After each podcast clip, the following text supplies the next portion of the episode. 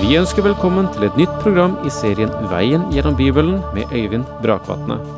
Denne studieserien er produsert av P7 Kristen Riksradio og bygger på serien Through the Bible av Vernon McGee. I dag fortsetter vi med profeten Mika.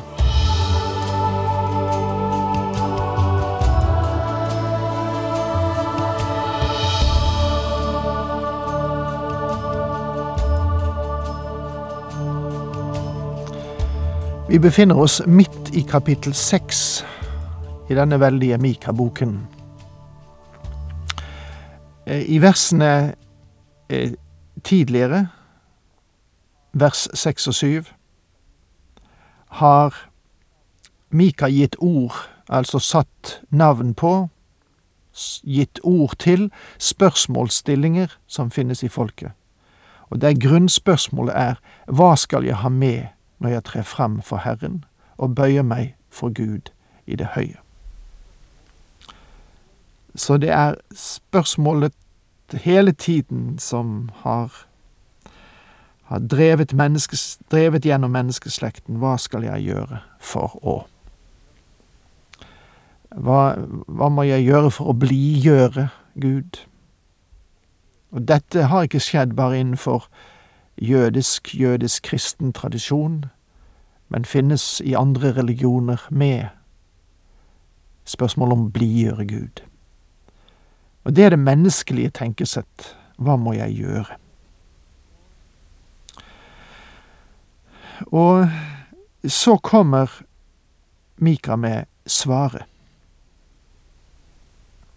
Og det finner vi i det åttende vers, og det er i dette åttende verset vi befinner oss nå. Menneske, Herren har jo sagt deg hva godhet er, og hva Han krever av deg. At du skal gjøre det som er rett, vise trofast kjærlighet og vandre ydmykt med din Gud. Sett utenfra, eller med bare et blikk, så er jo dette ganske greit, mener mange. Da er jo alt i orden. Hvis jeg oppfyller dette, ja, så, så har jeg uh, møtt Guds premisser, og da er jo alt greit. Men da er spørsmålet hvordan står disse ordene i sammenheng, og hva menes egentlig med dem? Ja, Mika sier her at du skal gjøre det som er rett. Ja, kan du som menneske gjøre det som er rett, alene, uten at Gud griper inn?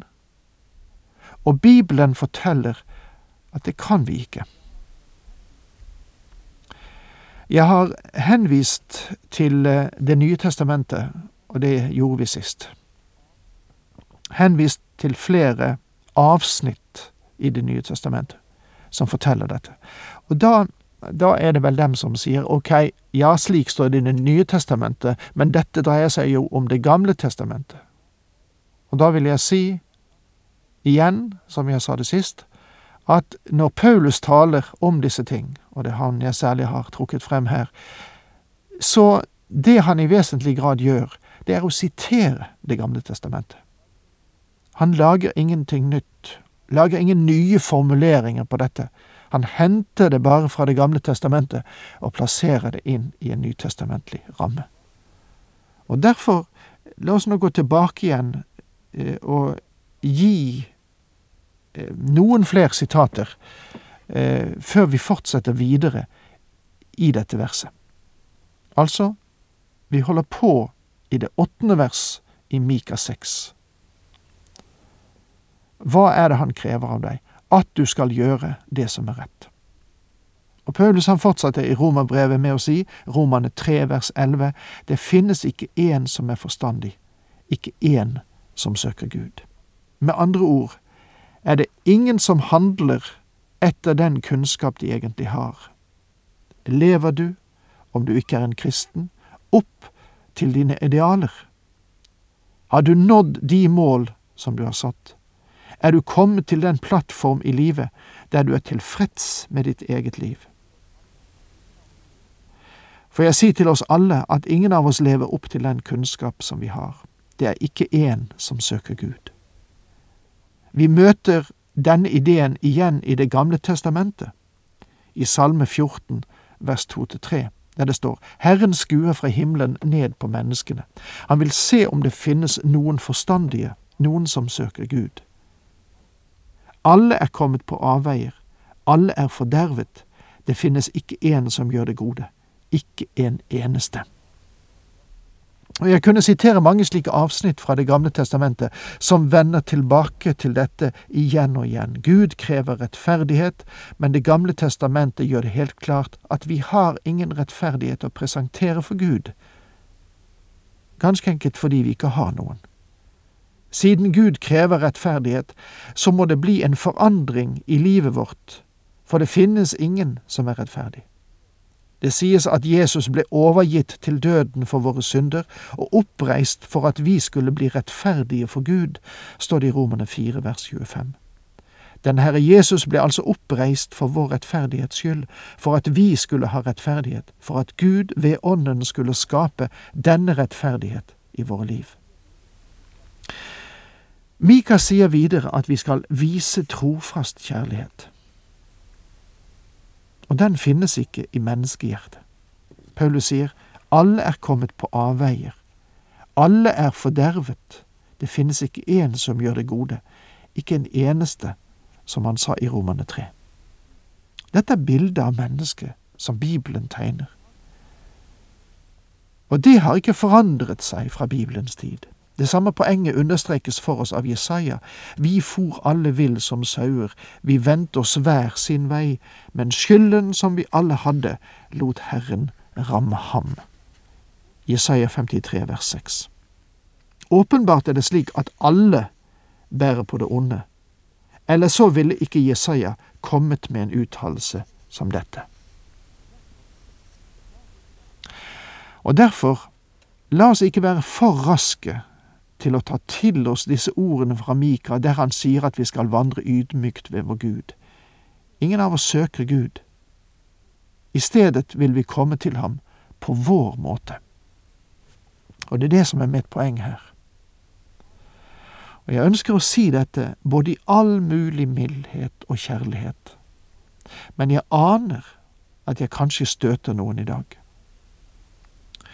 Om vi tror at vårt kirkemedlemskap, uansett hvilket kirkesamfunn eller hvilken organisasjon det er, eller vår karakter, eller våre gode gjerninger, skal føre oss frem til Gud, da må jeg få si at du går forbi Guds vei. Den Herre Jesus sa, Jeg er veien, sannheten og livet.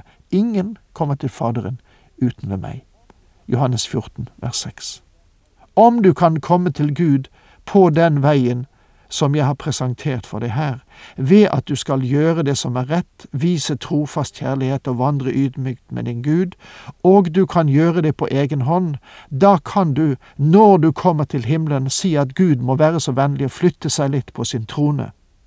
Du kan si til ham at du ønsker å dele tronen med ham, at du kom dit på egen hånd, at du ikke trengte ham siden du er din egen Gud. Men, min venn, Gud sier at han ikke deler sin ære med noen annen, og jeg tror ikke at han vil dele sin trone med deg heller. Så hvorfor kommer du ikke til Gud på hans premisser, og ikke på dine egne? Det å gjøre det som rett er, vise trofast kjærlighet og vandre ydmykt med Gud, er det Gud krever. Hvorfor prøver du å lure deg selv om du da påstår at du gjør disse ting etter din egen natur? Jeg må si at jeg er overveldet av hvordan vers som dette, når de holdes opp som et mål for menneskerasen, viser hvem vi virkelig er. Noen anbefaler seg selv som høflige og hyggelige mennesker, og likevel har de aldri kommet til Gud på hans premisser. Hvordan kan du fortsette å leve med en slik hyklersk innstilling? Hvorfor er du ikke ærlig mot Gud? Bare gå rett til ham og si det til ham, at du er en synder som trenger ham. Han vet det allerede, men det ville være hyggelig hvis du sa det til ham. I det stedet for å søke alle slags behandlinger og remedier for å finne fred, hvorfor snakker du ikke med Gud? Si til ham hva som er galt med deg. Fortell ham om dine forestillinger.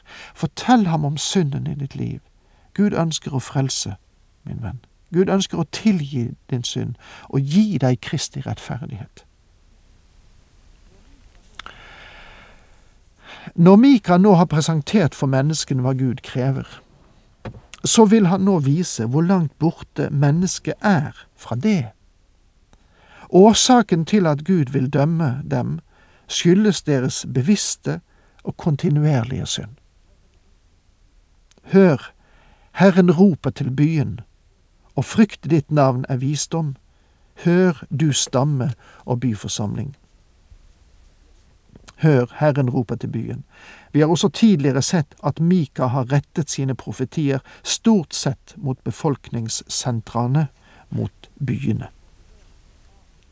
Han, hans formuleringer avslører at han må ha vært meget velskolert. Han hørte til det øvre sjikt i samfunnet. Han står i kontrast til Amos, som sa jeg er ingen profet, jeg samler bare morbærfiken, jeg er en småbruker, en gutt fra landet som er kommet til byen. Men Amos var Guds mann. Mika er også Guds mann, men han er en helt annen type enn Amos. Han roper til byen, og denne kulturen kjenner han. Å frykte ditt navn er visdom, hør du stamme og byforsamling. Den gamle oversettelsen gjengir siste del av verset annerledes når det står Hør straffen og hvem som har fastsatt den. Da ser vi at det stamme og byforsamling skulle høre, var at dommen er kommet over folket. Det vise mennesket, det vil si det som lytter etter Gud, vil forstå at dommen var kommet over folket og ville handle etter det. Guds røst hever seg, og han taler til dom. Det mennesket er klokt som ser at Guds handling, som åpenbarer hans rettferdighet og hans rettferdige karakter, og at han er langmodig og tålmodig og vil tilgi synder. Men Gud straffer også, og begge disse sider understreker Mika. Det var mye som mishaget Gud i folket og Mika kommer nå til å understreke hver ting for seg. Er det ennå i de ondes hus skatter, samlet på urett vis, og en snau, forbannet efa? En forbannet efa henviser til et hulmål og er et uttrykk for den rikdom de hadde samlet seg på urettmessig vis. Kan jeg være ren med urett vekt og falske vektlodd i pungen.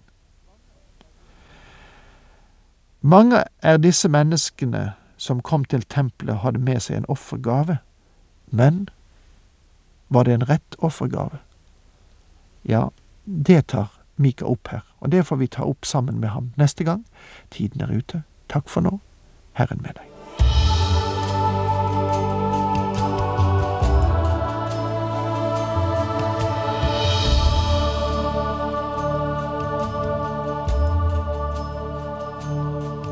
Du hørte Øyvind Brakvatne i studieserien Veien gjennom Bibelen. Serien bygger på et manus av Vern McGee. Har du spørsmål eller kommentarer til programmet, kan du sende en e-post til vgb krøllalfa p7.no. Takk for i dag, og på gjenhør.